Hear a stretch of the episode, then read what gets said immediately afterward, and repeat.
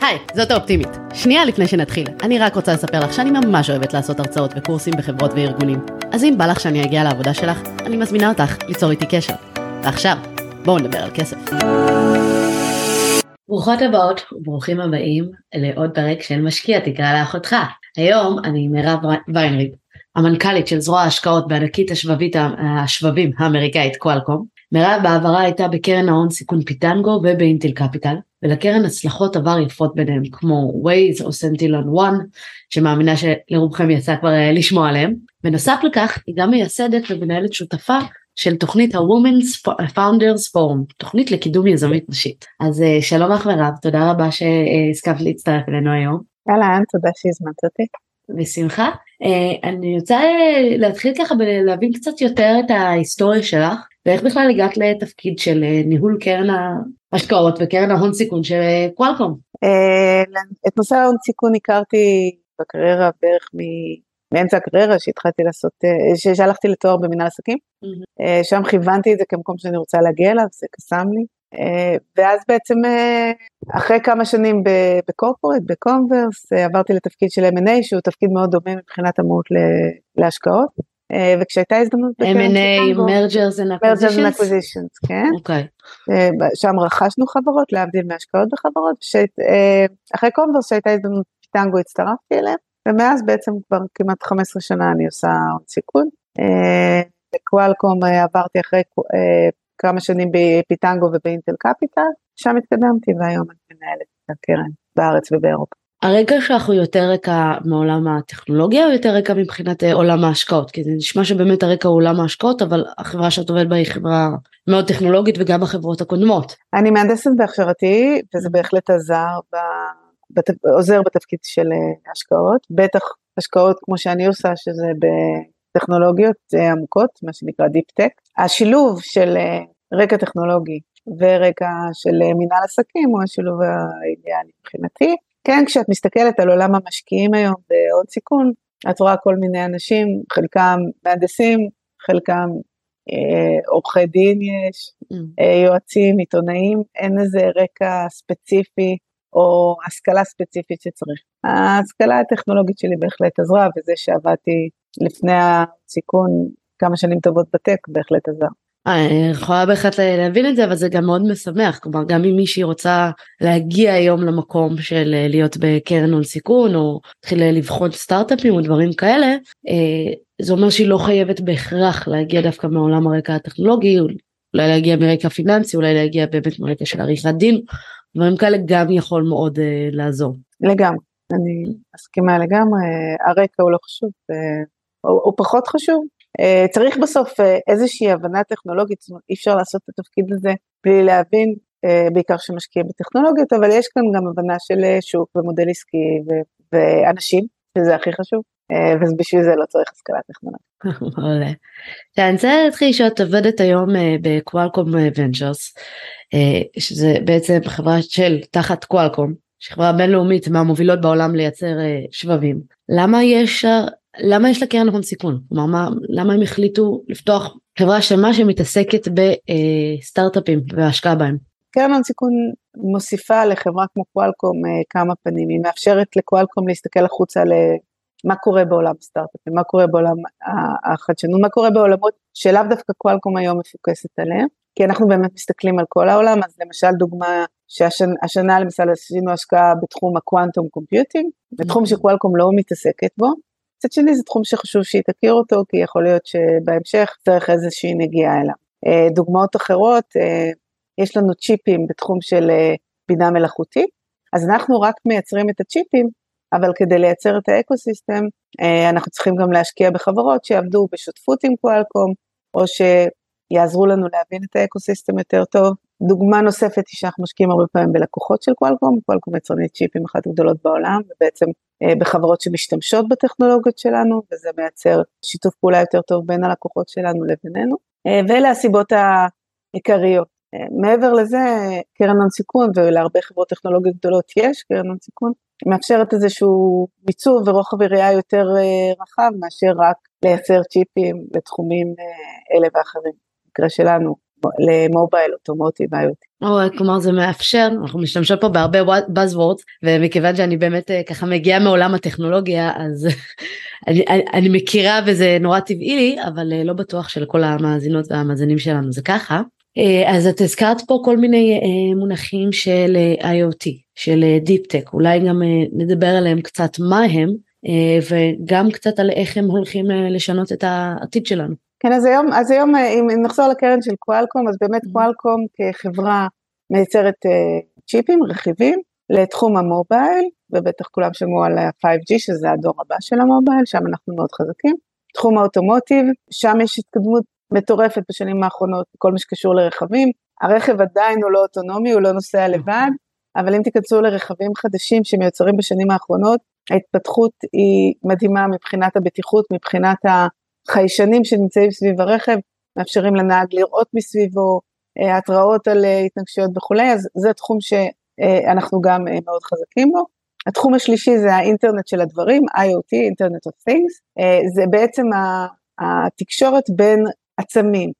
זה, זה קשור להמון דברים מתחת לזה, שזה למשל רובוטיקה, רובוטיקה זה עצמים שמתקשרים אחד עם השני, תחום מאוד גדול מאוד מעניין, רחפנים זה עוד תחום שמתפתח, כל זה מתחת שוב לאינטרנט של הדברים. אה, כל הנושא של שעונים חכמים ומה שאנחנו קוראים לו, ש, אה, לקוח הסופי גם יהיה, תהיה הרבה התעסקות עם האינטרנט של הדברים, שעונים חכמים, כל מיני גאדג'טים אחרים, ערים חכמות, כל הנושא של אה, מצלמות, כיוון תנועה וכולי. נושא גדול נוסף בתוך האינטרנט של הדברים זה כל הנושא של ה-Industrial IoT, אינטרנט של הדברים בתחום התעשייתי, זה בעצם התחום הכי מתקדם, יש בו כבר הרבה טכנולוגיה, הן ברובוטיקה, הן בחיישנים שיושבים על המכונות, יודעים אה, לאתר אה, תקלות, יודעים להתריע על זה שהמכונה עוד מעט תפסיק לעבוד, אה, יודעים לייצר כל מיני אה, סטטיסטיקות ודוחות, כל הדברים האלה הם תחת IoT, שם אנחנו שוב מייצרים את הצ'יפים, את הרכיבים,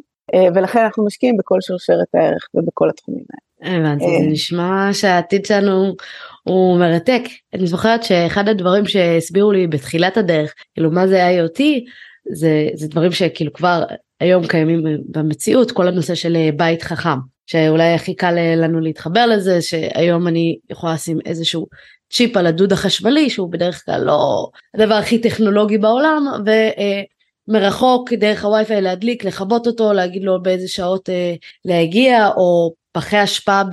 לא יודעת מה, בשירותים ציבוריים שיוכלו לקבל איזשהו צ'יפ חשמלי ויתריעו כשהם מלאים ויחסכו בכוח אדם שלא יבוא לנקות כל אה, שבוע, אה, כאילו כל שעה לרקון את הפחים אלא רק כשהם באמת יתמלאו. כל מיני דברים כאלה שבהם דברים שהם לכאורה לא צריכים טכנולוגיה, מוסיפים להם את הטכנולוגיה ופתאום חוסכים הרבה מאוד כסף ומצליחים לייעל אה, תהליכים ודברים והופכים את החיים של כולנו להרבה יותר קלים. אה, כן, אחד התחומים שלא הזכרתי, וטוב שאת מזכירה לי, שהוא קשור לכולנו, זה כל התחום של הריטל, אה, של בעצם קמעונאות, גם סופר, supermarketing, גם חנויות בגדים, כולם בעצם משתמשים בטכנולוגיות כדי לשפר את חוויית המשתמש, החל ב... דווקא בחברות בגדים שיכולות לשים מין רכיבים מאוד מאוד קטנים על הבגדים, ואז אה, על הבגד, חנויות בגדים, חנויות קוסמטיקה על הבגדים, על הבקבוקים, ולהבין מה קורה עם משתמש, אם משתמש יסתכל על הבגד, מה היה התהליך שלו בתוך החנות yeah. וכולי. דרך ה supermarketing שהיום הופכים, עוברים מהפכות, ובעצם אה, יש אה, חברות, הרבה חברות גם בארץ, אחת שהשקעתי בה, שמתעסקות בכל הנושא של אה, לשפר את חוויית המשתמש, אם זה על ידי עגלה חכמה שיודעת מה נכנס לעגלה ולכן לא צריך לעמוד בתור לקופה, או חיישנים שיושבים על התקרה ועל הקירות, אה, קונספט שהמציאו אמזון בשם אמזון גו, זה בעצם מאפשר, מאפשר לקונה להיכנס לחנות, לאסוף את הדברים ולצאת מהחנות. בקנייה גדולה, העגלה החכמה מאפשרת את אותו דבר, פלוס היא מאפשרת גם לקוחות אה, לראות מה הם קנו, לשמוע על מבצעים, כל התחום הזה הוא מאוד מרתק והולכים לקרות בדברים אה, מאוד יפים בשנים הקרובות. הוא מאוד מרתק וכשאני יושבת על זה בכובע של המשקיעה כלומר יש כל מיני תהליכים שקורים גם בחברות שהן לכאורה לא טכנולוגיות או לא אמורות להיות כל כך טכנולוגיות סופרמרקטים אפילו רשתות של אה, פיצה או כל מיני דברים כאלה שהם לא כל כך אה, אה, נחשבים למשהו שהוא טכנולוגי אלא יותר אה, אה, תעשייתי ותעשיות של אה, לא של ההייטק ואפשר להוסיף לשם אלמנטים שהופכים את התהליך ליותר יעיל, חוויית משתמש יותר טובה ואז הופכים את החברה להרבה יותר רווחית בזכות הוספה מימד של טכנולוגיה. אחת הדוגמאות שאני אוהבת למשל זה דומינוס פיצה שפשוט אה, החליטה לוותר על הרבה מאוד אה, כוח אדם ונתנה לאנשים את האפשרות אה, להזמין פיצה דרך הצ'אט, דרך אה, בפייסבוק, דרך הוואטסאפ, דרך כל מיני דברים כאלה, אפשרה לאנשים ממש לעשות את כל התהליך במקום להתקשר לחכות בטלפון שמישהו יענה וייתן לנו בסוף את ההזמנה הלא נכונה. אז אנחנו כבר יכולים תוך דקה לעשות את הכל אה, לבד, להזמין ולראות את כל התהליך קורה, וזה מאוד משפר את חוויית המשתמש, אה, וזה שוב לא המקום שהיינו מצפים אה, למצוא בו טכנולוגיה, כי זה חברה שמייצרת פיצות. אז, אז היום אנחנו בעצם רואים את כל החברות, החל מ supermarketing, דרך קמעונאות למיניה, דרך חברות תחבורה, דרך כל חברה שהיא מבינה שהיום ללא חדשנות היא לא תשרוד, ואם אנחנו באמת מדברים על השקעות, אנחנו מסתכלים היסטורית על חברות ציבוריות שכשלו והצליחו, אחד המדדים שאפשר להסתכל עליהם זה באמת כמה מהר הם הצליחו לאמץ טכנולוגיות.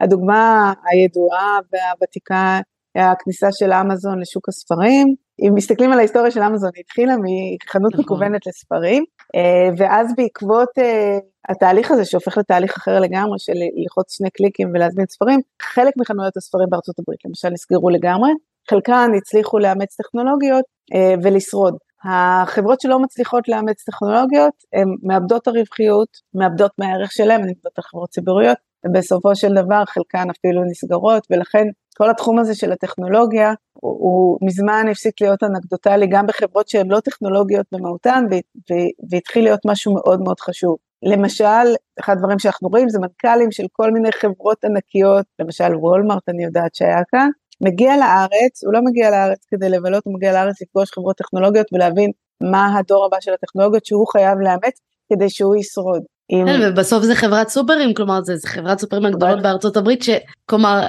אנחנו אומרים היום איך הם לא ישרדו, אנשים תמיד יצטרכו לעשות קניות, אבל אם uh, יש היום 2 hour delivery באמזון, בתוך שעתיים אני יכולה לקבל את כל הקניות הביתה, אז uh, זה פתאום אה, נהיה הרבה, שוק הרבה יותר תחרותי, אה, בטח במכולת אה, מתחת לבית שאנחנו זוכרים כשאנחנו גדלנו.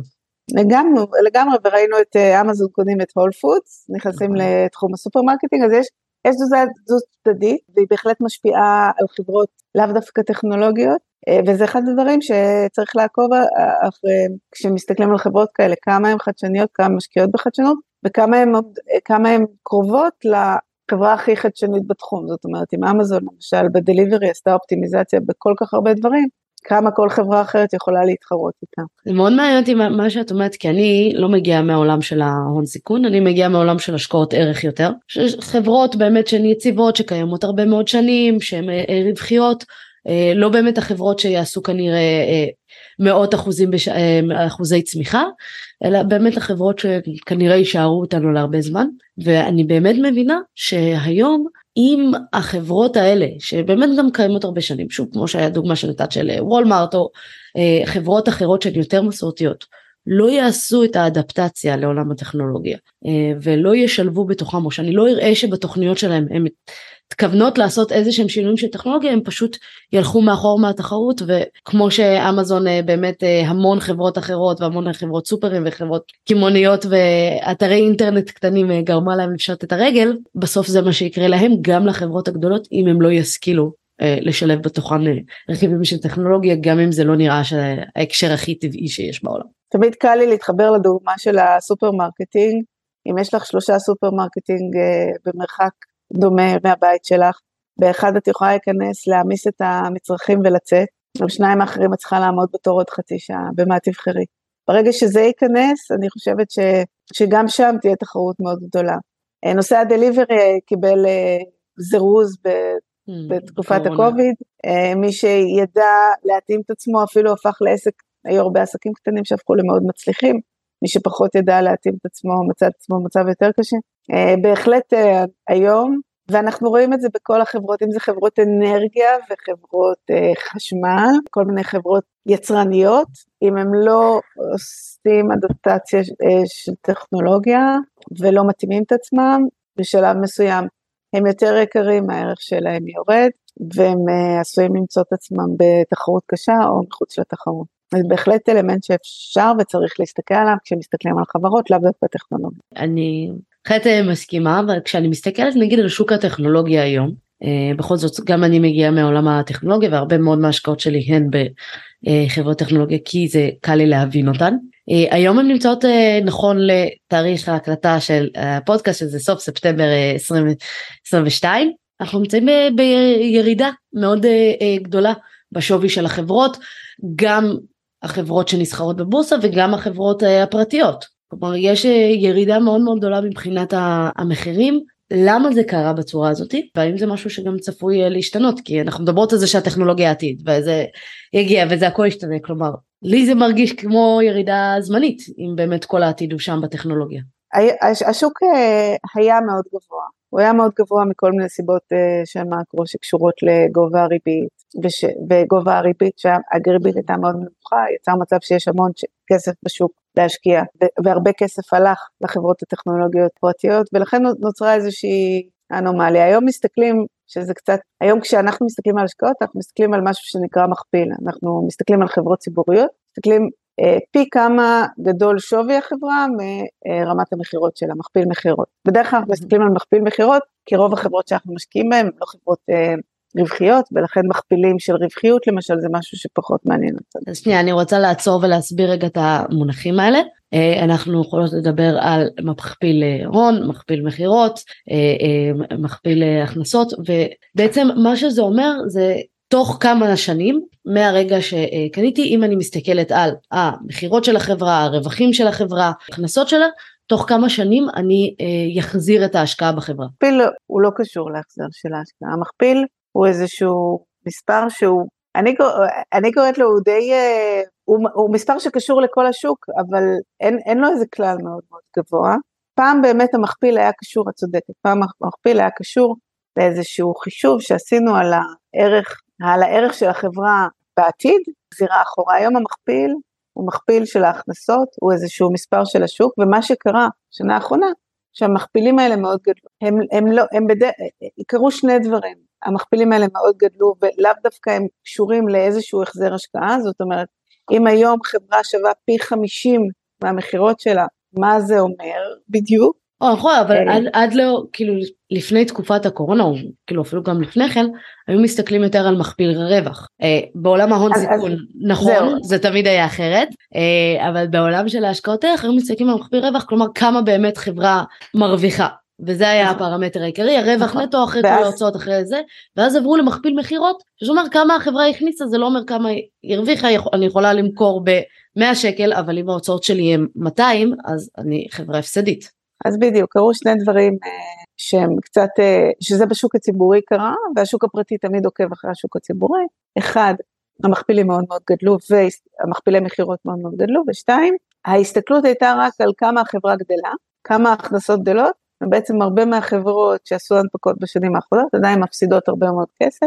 אם תקראו תשקיפים של חברות שהנפיקו בשנים האחרונות, אחד הדברים שתמיד יודעת אם מפתיעים ומשעשעים, אבל הם חייבים לכתוב את זה, בתשקיף כתוב בשורה הראשונה, אנחנו לא רווחים ולא בטוח שאי פעם נגיע לרווחיות. שזה, כשאם מסתכלים על העולם כעל העולם, מסתכלים על חנות אה, מכולת או על כל עסק אחר, אתה מצפה שבסופו של דבר הוא יגיע לרווחיות. כן, אז זאת האנומליה שקרתה.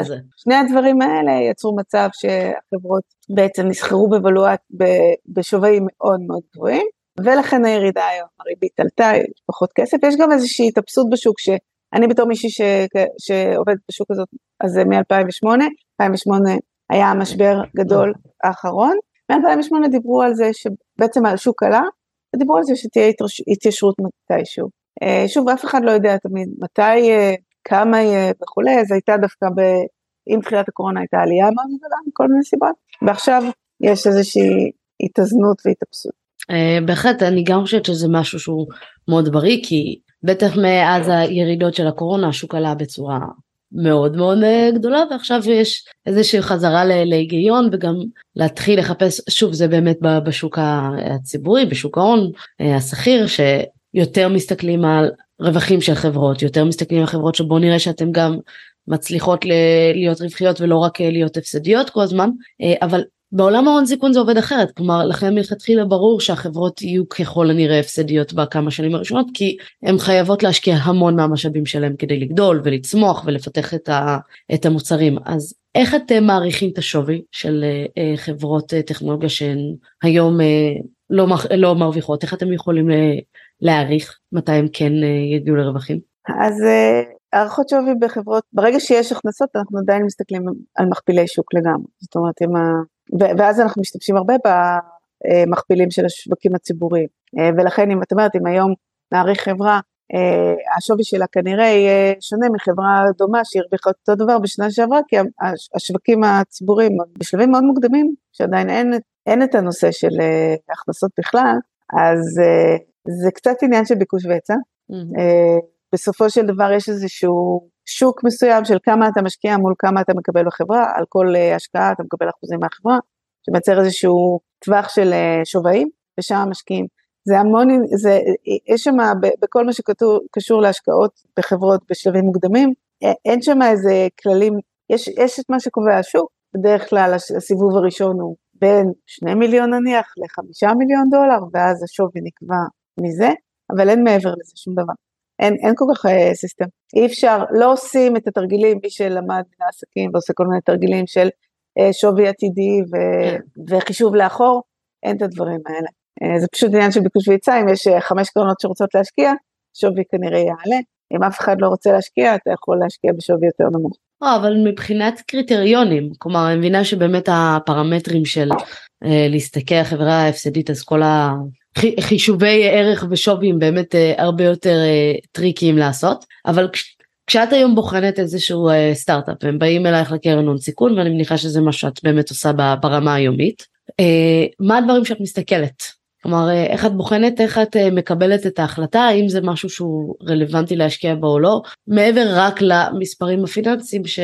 שוב לא לא יכול להיות שהחברה היא באמת בתחילת דרכה עוד לא צברה מספיק לקוחות אולי המוצר עוד לא מפותח מספיק אז אני מסתכלת, אז, אז יש את הדברים הסטנדרטיים שצריך להסתכל עליהם, איזה בעיה החברה פותרת, אה, כמה ייחודית הטכנולוגיה שהיא מפתחת וכמה קל להעתיק אותה, מי השחקנים האחרים בשוק? וכמה היא יכולה להיות תחרותית לאורך זמן, מה המתחרים הגדולים בשוק עושים.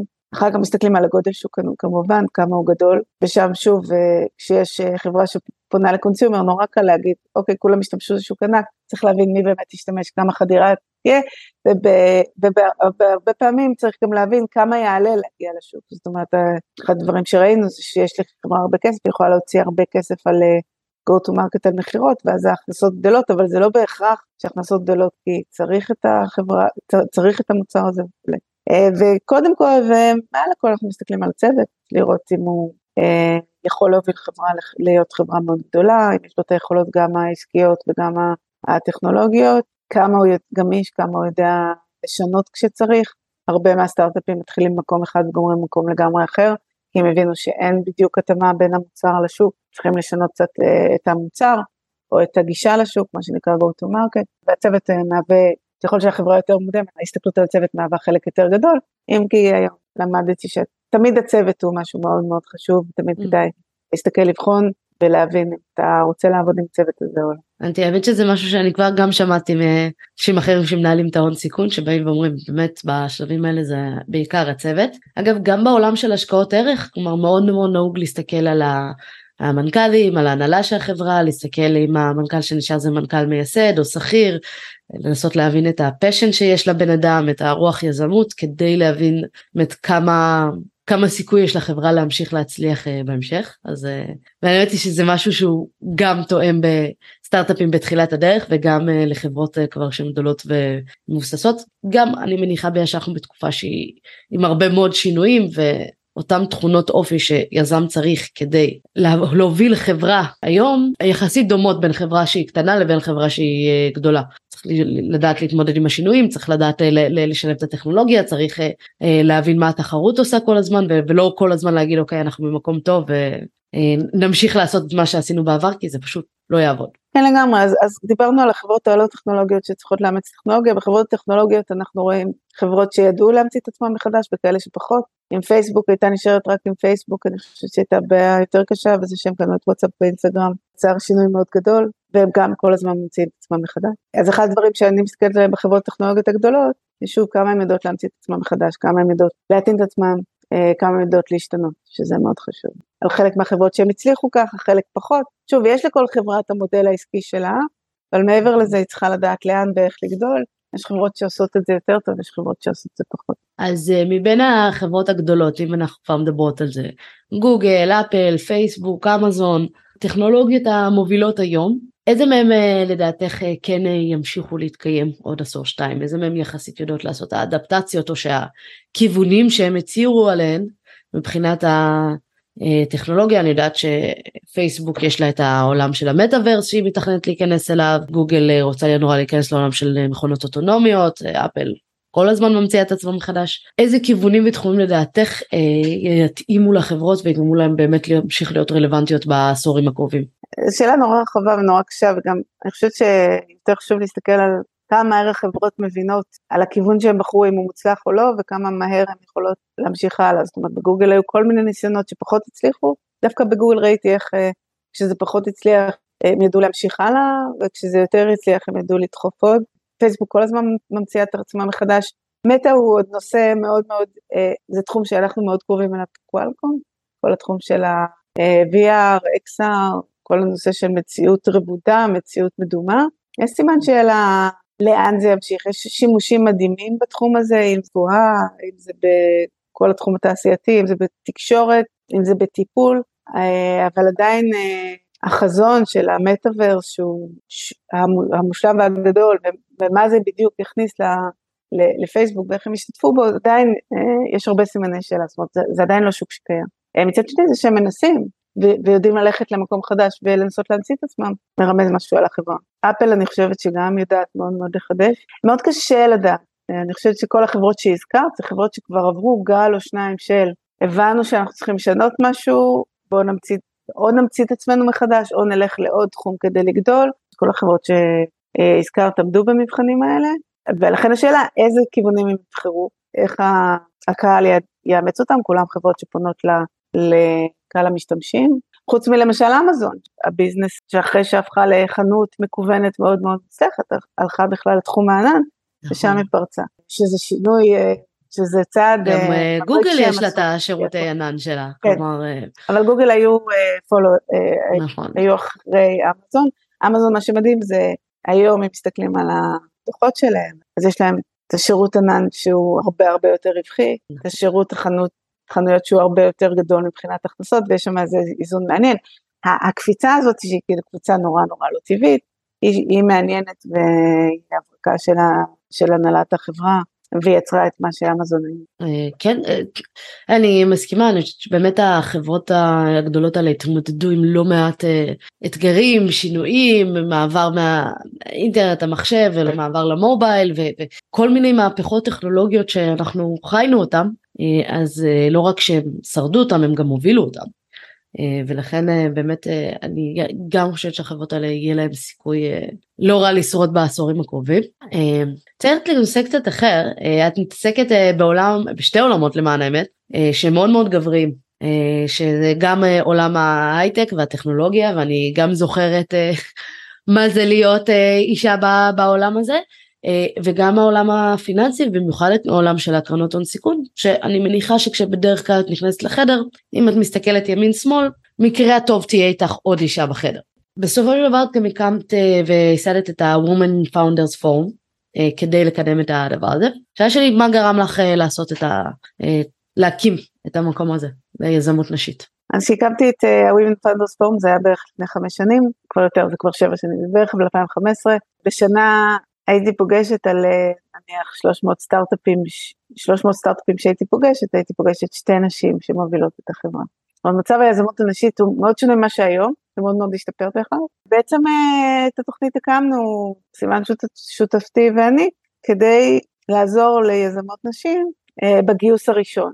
מאז עברו הרבה מים בנהר, ולמעשה היום אנחנו כבר מתפקסות על חברות שגייסו את הגיוס הראשון, כי יש הרבה יותר, זאת אומרת יש הרבה יותר יזמות נשים מצליחות, ויש גם uh, הרבה סטארט-אפים שכבר הגיעו למעמד של יוניקורן, גייסו הרבה כסף, שעברו בתוכנית שלנו, פאפאיה גלובל למשל, שאחד הסטארט-אפים המצליחים uh, בניהול והובלה של אישה, אבל עדיין האחוזים uh, אחוזי הנשים היזמות הם קטנים. יש כל מיני גורמים לזה, החל מנקודת ההתחלה, פחות נשים הולכות לזה, דרך, אני מאמינה שעדיין זה קשור גם לשוני בין המינים, זאת אומרת איך נשים מציגות. זאת אומרת אם פעם גם היה מדובר על, על נניח משקיעים שפחות מוכנים להשקיע בנשים, היום אני חושבת שרוב המשקיעים מאוד רוצים להשקיע בנשים, אבל עדיין כשאישה ניגשת, היא ניגשת בצורה קצת שונה ויש איזו התאמה שצריך לעשות, וזה דברים שאני רואה והרבה עובדת עליהם, אנשים שאני עובדת איתם. זאת אומרת, אה, כן, כן איזושהי התאמה לעולם הזה, שהעולם הזה היום הוא גברי, זאת אומרת כמו כל עולם, כל עולם שאתה נכנס אליו. הוא עולם גברי ואני חושבת שהנתונים אה, הרבה פעמים מדברים בעד עצמם, כלומר אה, קראתי כל מיני נתונים על אה, סטארט-אפים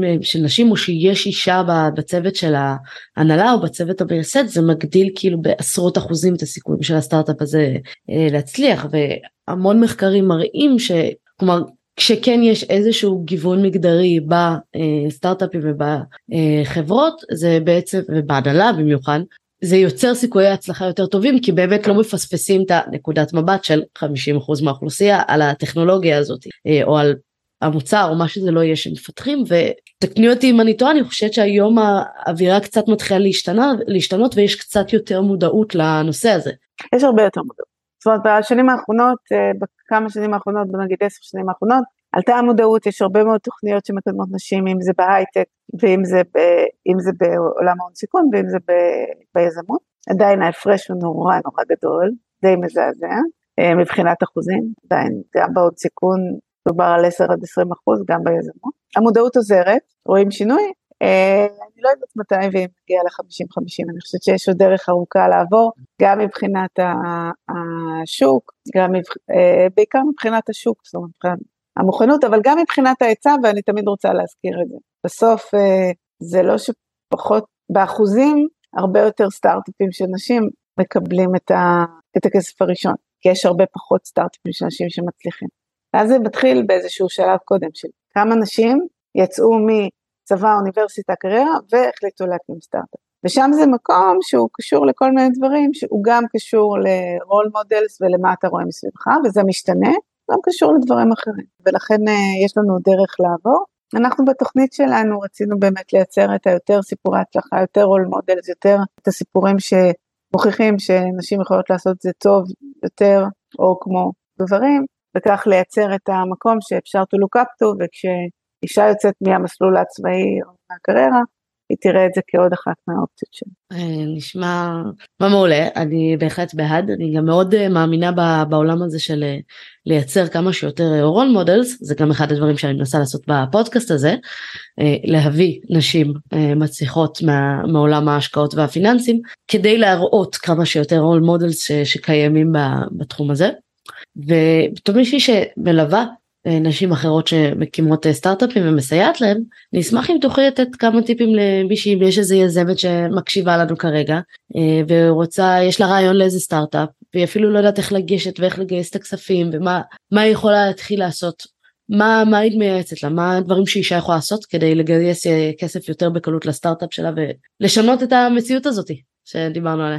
אז היום היתרון הגדול של אישה בארץ שרוצה לגייס כסף לסטארט-אפ זה שניים, אחד התעשייה בארץ היא מאוד גדולה, מאוד מגובשת, יש המון אנשים, יש שלושה יתרונות. בעצם שתיים, מאוד מאוד רוצים לעזור לאנשים שיצליחו, ושלוש באופן כללי התעשייה בארץ, שזה דבר שאני לומדת כל הזמן, אה, היא הרבה יותר פתוחה לעזור מכל תעשייה אחרת, זאת אומרת, הרבה יותר אנשים מתנדבים לעזור לא בשביל לקבל משהו בתמורה, אלא פשוט בשביל לעזור. ואני חושבת שהמקום ש... שצריך ללכת אליו הוא נורא שם. עם הרעיון הזה, ללכת ליזמים יזמים ויזמות מנוסים, אה, לפנות אליהם, לפעמים זה מצליח יותר, לפעמים פחות, לפעמים אנשים עסוקים יותר, יש כאלה שיותר פתוחים ללכת ופחות, ללכת למשקיעים אה, ולהתחיל להתייעץ, עוד לפני שמגבשים לגמרי את הרעיון, עוד לפני שממש ניגשים לגיוס, להתחיל להתייעץ, לחפש את המנטורים הנכונים, האנשים שיעזרו לך בדרך, אה, לעשות הרבה מאוד תחנות, אם זה שהפיץ' יהיה מושלם, זאת אומרת בסוף זו פגישה של 45 דקות שקובעת האם אני רוצה להמשיך לפגוש אותך אחר כך או לא, שעונה על כל השאלות, להתאמן אה, ולשאול כמה שיותר אנשים את השאלות הקשות והאמיתיות. האם היית משקיע, אנשים שלאו דווקא אולי נניח משקיעים שהם משקיעים בדרך כלל בשלב יותר מאוחר, או למשל הרבה פעמים מגיעים אליי סטארט-אפים בתחום שאני לא משקיעה בו ואז אני יכולה להיות יועצת. אה, לשאול את השאלות, האם תשקיע, למה לא, מה אני צריך לשנות כדי uh, לשפר, יש המון דברים היום, זאת אומרת להבדיל מלהקים סטארט-אפ מלפני 10 ו-20 שנה, יש המון דברים היום שאתה יכול לעשות, ש... או שאת יכולה לעשות בלי כסף ראשוני בכלל. אם זה פניות בלינקדאין, להתקשר לאנשים, לעלות על זומים, לדבר עם הלקוחות הפוטנציאליים בזום ולהבין אם מה שאת אומרת make sense, אפילו לבדוק uh, לקוחות פוטנציאליים באיזה קבוצה, יש המון המון דברים שהם בכלל לפני ה- ללכת לגייס. ואז כשאת מבינה שהרעיון הוא באמת טוב ושיכול להיות שצריך לגייס, אז, אז יש אה, א', כמה תוכניות שבאות לעזור לנשים, ללמד אותם איך מגייסים, יש, אה, אה, יש את קבוצת יזמיות הגדולה שקצת עוזרת, יש אותנו, את ה-Women Founders Forum, ויש עוד תוכניות של אקסלרטורים. בגוגל יש אקסלרטור שמיועד לנשים, ובטח שכחתי עוד כמה תוכניות ואני מתנצלת, יש די הרבה. אה, ובאמת, אחד הדברים שאני אומרת שם, שהוא קצת controversial, אנחנו עדיין עולם נורא נורא גברי, ולכן אישה שהיא באה, היא צריכה לדעת, היא צריכה להישאר היא, אבל היא צריכה לדעת לאמץ אה, כמה מהתכונות שהן בדרך כלל, או הצורות שדברים מתבטאים בהן, למשל, יותר סימני קריאה ופחות סימני שאלה, אה, למשל, דיבור בקול רם ולא בשקט, כל מיני דברים כאלה שזה קצת מצחיק לדבר עליו, אבל בגלל שאני המון שנים שם, אבל זה חשוב, אלה דברים חשובים. אני המון שנים שם ויושבת בבורדים הרבה פעמים לבד, הבנתי שאין מה לעשות, זאת אומרת העולם צריך להתקדם משני הכיוונים, זה לא רק העולם שהיה גברי, אין מה לעשות, ונדבר על ההיסטוריה ולמה, אבל זה לא מעניין, פתאום הופך לעולם מגוון, אני חושבת שהמעבר הוא דו צדדי. והמעבר קורה, המעבר קורה בשני הצדדים, זאת אומרת, אה, משני הצדדים. אה, לנשים שיכולות לגייס כסף, אני כן אומרת, אה, תלמדו, תלמדו איך לעשות פיץ', תראו ביוטיוב איך היזמים הכי טובים שגייסו הכי הרבה כסף עושים את הפיץ' שלהם, תלמדו מה הם עונים על שאלות, איך הם עונים על שאלות, איך הם מדברים, תלכו לשם. מהמם. כמו שאמרת לדבר עם יותר סימני אה, קריאה פחות עם סימני שאלה להתייעץ יותר לא, לאורך הדרך למצוא אולי את המנטורים ואת האנשים שיסייעו ויש לא מעט תוכניות אני גם אשים אה, אה, קישור ל-Women Founders Forum אה, למטה למי שזה מעניין אותה ואנחנו ככה לקראת אה, סיום אז אה, רציתי לדעת אה, האם יש אה, משהו שחשוב לך אה, להגיד והיית רוצה שהמאזינות או המאזינים אה, ייקחו אה, כתוצאה מהשיחה בינינו היום. אולי אני אחזור להיסטוריה שלי, כי נגענו בזה בתחילת השיחה. Mm-hmm. כשאני התחלתי את הקריירה שלי, לא, לא הייתי מודעת, לא הייתי מודעת לנושא הזה, כלומר, לא דיברו כל כך על נושא של נשים, ובעצם עשיתי את הקריירה כי ידעתי שאני יכולה. ברגע שאתה מסתכל על הנושא הזה של אני אישה וזה יכול להפריע לי, אני חושבת שזה גם מפריע. ולכן אה, זה משהו שאולי צריך להתייחס אליו ברמת המקרו, אבל ברמה האישית שלי, זה רק יכול להפריע לי. זה שאני חושבת שזה שאני אישה, עשוי לא לקדם אותי, זה לא משהו שקידם אותי בשום צורה. כשאני עשיתי את הקריירה שלי, עשיתי אותה מתוך ידיעה שאני שווה לכל הגברים שיושבים בחדר, שאני יכולה אותו דבר, והמודעות הזאת לכל הנושא של diversity uh, וכולי הגיעה הרבה יותר עמוק. אה, אני חושבת שהיום זה דווקא הפוך, כלומר היום דווקא המודעות לזה שאני אישה בזה יכול כן לקדם אותי. לקדם, אבל ברגע שאת באה מהמקום של בגלל שאני אישה אולי אני לא אקבל, או בגלל אני באה ממקום אה, שהוא לא שוויוני, כי היום באמת המערכת היא לא שוויונית, זה עשוי להפריע. אז היו לי שיחות עם כמה נשים שהתחילו את הקריירה שלהם בשנים שאני התחלתי, שזה לא היה נושא שדובר עליו כל יום, mm-hmm. ועשו עליו אה, פודקאסטים, וזה אחד הדברים שראיתי, הרבה נשים שהצליחו זה נשים שאמרו, שבכלל לא התייחסו לזה. כשתתייחס לזה, אני חושבת שמצד אחד היום, העולם הרבה יותר בנוי לקדם נשים, ומצד שני, אה, זו הסתכלות לא נכונה ו, ו, ופחות בריאה. אה, מבחינת כישורים, מבחינת כישרונות, מבחינת יכולות, אנחנו כמובן שוות ויכולות לעשות כל מה שאנחנו רוצים. מסכימה איתך אה, לגמרי, ואני דווקא חושבת שלקחת את החיסרון ולהפוך אותו ליתרון, כלומר כן גם להבין שהיום יותר חברות מחפשות לגוון ומחפשות לשמוע את הקול השני ויותר פתוחות לקבל את זה ודווקא זה שאני אישה ונכנסת לתחום גברי אה, יכול להוות לי הרבה מאוד יתרון כי אני באה עם חשיבה אחרת עם גישה אחרת וזה יכול רק אה, לתרום ולתת לכולם ויש גם לא מעט מחקרים שמגבים את זה. אז אה, לגמרי זה, זה שילוב. זאת אומרת יש היום הזדמנות מטורפת לנשים להיות יזמות ולהיות משקיעות ולהיות בהייטק. אל תיתנו לאיזה חשיבה שאתם שונות לעצור את זה. כן לגמרי לגמרי שוות אני מסכימה מאוד ואני רוצה להודות לך על הזמן שלך שנתת לנו וששיתפת מהידע מקווה שנהנתם. אז תודה רבה מירב ותודה לכם שהאזנתם אנחנו נתראה בפרק הבא של משקיע תקרא לאחותך להתראות.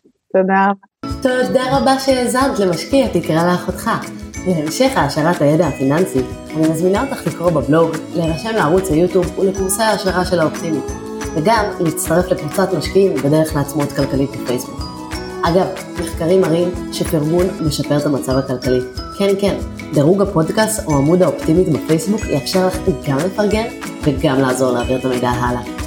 כל הכישורים שדיברנו עליהם נמצאים בתיאור הפרק, אז בלי תירוצים, הגיע הזמן למעשים. נתראה בפרק הבא.